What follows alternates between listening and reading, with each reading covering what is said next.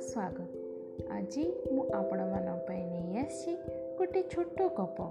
ଗପର ନାଁ ହେଉଛି ପାପର ଫଳ। ଏକ ସମୟରେ ରାଜମହଲରୁ ଦଳେ ଚୋର ଚୋରି କରି ପଳାଇ ଯାଉଥିବା ବେଳେ ପ୍ରହରୀମାନଙ୍କ ନଜରରେ ପଡ଼ିଗଲେ। ପ୍ରହରୀମାନେ ଏକତ୍ର ହୋଇ ଚୋରଙ୍କ ପଛରେ ଧାବନ କଲେ। ଚୋରମାନେ ଆତ୍ମରକ୍ଷାର କୌଣସି ଉପାୟ ନ ପାଇ ଚୋରି ଦ୍ରବ୍ୟ ସହ ଦୌଡ଼ିବାକୁ ଅସୁବିଧା ହେବାରୁ ସେସବୁକୁ ମାଣ୍ଡବ୍ୟ ନାମକ ଜଣେ ପ୍ରଖ୍ୟାତ ଋଷିଙ୍କ ଆଶ୍ରମ ପରିସରରେ ପକାଇ ଦେଇ ପଳାଇଗଲେ। ପ୍ରହରୀମାନେ ଚୋରଙ୍କ ସନ୍ଧାନରେ ଥିବାବେଳେ ଦେଖିବାକୁ ପାଇଲେ ଋଷିଙ୍କ ଆଶ୍ରମ ପରିସରରେ ପଡ଼ିଥିବା ଲୁଟ୍ ସାମଗ୍ରୀ। ତାଙ୍କର ଧାରଣା ହେଲା ଯେହେତୁ ଚୋରି ସାମଗ୍ରୀ ତାଙ୍କ ଆଶ୍ରମ ପଛପଟରେ ପଡ଼ିଛି ତେଣୁ ଋଷି ଏଥିରେ ଜଡ଼ିତ ଅଛନ୍ତି। ଋଷି ନିର୍ଦ୍ଦୋଷ ବୋଲି ଯେତେ କହିଥିଲେ ମଧ୍ୟ ପ୍ରହରୀମାନେ ତାଙ୍କୁ ଧରି ନେଇଥିଲେ ରାଜାଙ୍କ ନିକଟକୁ ବିଚାର ନିମନ୍ତେ। ରାଜା କିଛି ନ ବୁଝି ଲୁଟ୍ ସାମଗ୍ରୀ ଆଶ୍ରମ ପରିସରରୁ ଜବତ ହୋଇଥିବାରୁ ଋଷିଙ୍କୁ ଶୂଳିରେ ଚଢ଼ାଇ ଦେବାକୁ ନିର୍ଦ୍ଦେଶ ଦେଲେ। ଋଷି ଶୂଳିରେ ଚଢ଼ି ଅନବରତ ଗାୟତ୍ରୀ ମନ୍ତ୍ର ଜପ କରୁଥାନ୍ତି। ସିଦ୍ଧ ତପିଥିବାରୁ ମୃତ୍ୟୁ ତାଙ୍କୁ ସ୍ପର୍ଶ କରିନଥିଲା। ଋଷିଙ୍କ ଶରୀରରୁ ନିର୍ଗତ ଦିବ୍ୟ ଜ୍ୟୋତି ଦେଖି ପର ମୁହୂର୍ତ୍ତରେ ରାଜାଙ୍କ ଧାରଣା ହୋଇଥିଲା ସେ ଦୋଷୀ ନୁହନ୍ତି ବୋଲି। ଭୟଭୀତ ରାଜା ଋଷିଙ୍କୁ ଶୂଳିରେ ଓହ୍ଲାଇ ଦେବାକୁ ନିର୍ଦ୍ଦେଶ ଦେଇଥିଲେ। ଋଷିଙ୍କଠାରୁ ସକଳ ବୃତ୍ତାନ୍ତ ଶୁଣିବା ପରେ ରାଜା ପଶ୍ଚାତାପ ପୂର୍ବକ ବାରମ୍ବାର ପ୍ରଣାମ କରି ଋଷିଙ୍କୁ କ୍ଷମା ମାଗିଲେ।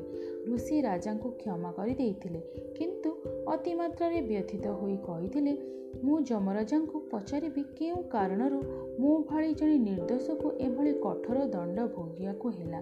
ନିଜ ଉପରେ ଦୃଢ଼ ବିଶ୍ୱାସ ଥିଲା ଜ୍ଞାତସାରରେ କୌଣସି କୁକର୍ମ କରିନଥିବାରୁ ସେ ଭାବିଲେ ତାଙ୍କୁ ବିନା ଅପରାଧରେ ଏଭଳି ଦଣ୍ଡ ଦିଆଯାଇଛି। ଆଉ କାଳ ବିଳମ୍ବ ନ କରି ଋଷି ଯମପୁର ଯାତ୍ରା କଲେ। ଯମରାଜାଙ୍କ ଅତି କରାଳ ଭୟଙ୍କର ରୂପ ଦେଖି ଦୁରାଚାରୀ ପାପୀମାନେ ଭୟଭୀତ ହୋଇ ପଡ଼ୁଥାନ୍ତି।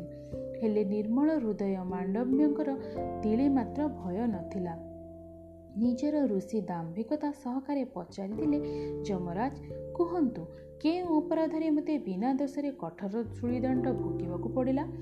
ଏହା ଶୁଣି ଯମରାଜ ହସି ହସି କହିଲେ ବିନା ଦୋଷରେ କାହାରିକୁ ହେଲେ ମୁଁ ଦଣ୍ଡିତ କରିନଥାଏ ଏହି ନିୟମରେ କେବେ ବି ଉଲ୍ଲଙ୍ଘନ ହୁଏ ନାହିଁ।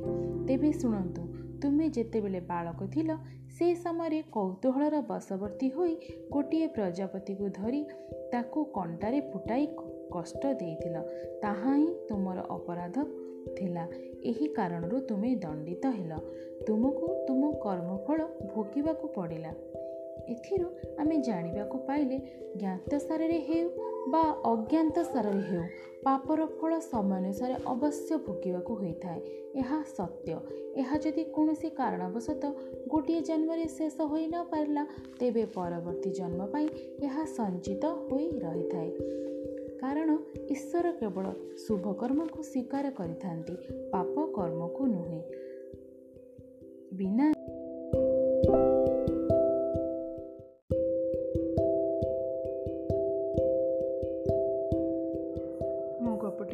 ଆସିଗଲା ହଉ ରହୁଛି ନମସ୍କାର ଟେକ୍ କେୟାର